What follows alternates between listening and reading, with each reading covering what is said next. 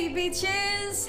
Welkom bij Lucy Licious, de place to be voor jouw energie. Mijn naam is Lucille en in deze podcast gaan we het hebben over jouw sterrenteken en welke energie je kan verwachten voor deze week. Are you ready? Let's go!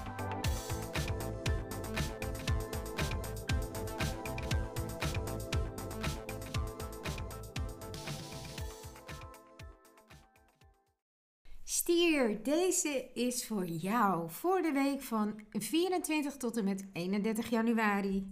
By the way, jullie kunnen me vinden op iTunes, Spotify, Twitter, Facebook en binnenkort ook op YouTube. Vergeet je niet te abonneren, zodat je op de hoogte blijft van de nieuwe energieën. Energie van de week voor jullie is een vredig gevoel, want je laat de drama achter je. Inspiratie in je omgeving, er is nu ruimte voor. En er is balans in je hoofd en in je hart. De kleur van de week voor jullie is indigo. En die staat voor helder, nieuw en alles is mogelijk. Jullie geluksgetal voor deze week is nummer 8. En de boodschap luidt: Er is rust en je bent kalmer dan ooit deze week. Heerlijk die stilte in je hoofd. Ga met de flow mee en voel en zie welke inspiratie een nieuwe omgeving je geeft.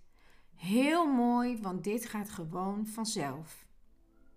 De tip van de week: laat je twijfels geen indringer zijn na een gesprek met een buitenstaander. It's a wrap! Het zit er alweer op, de aflevering van Lucilicious. Maar niet getreurd, volgende week ben ik er weer met een nieuwe aflevering. Bedankt voor het luisteren en jullie support. Tot volgende week. Tot Lucy Licious.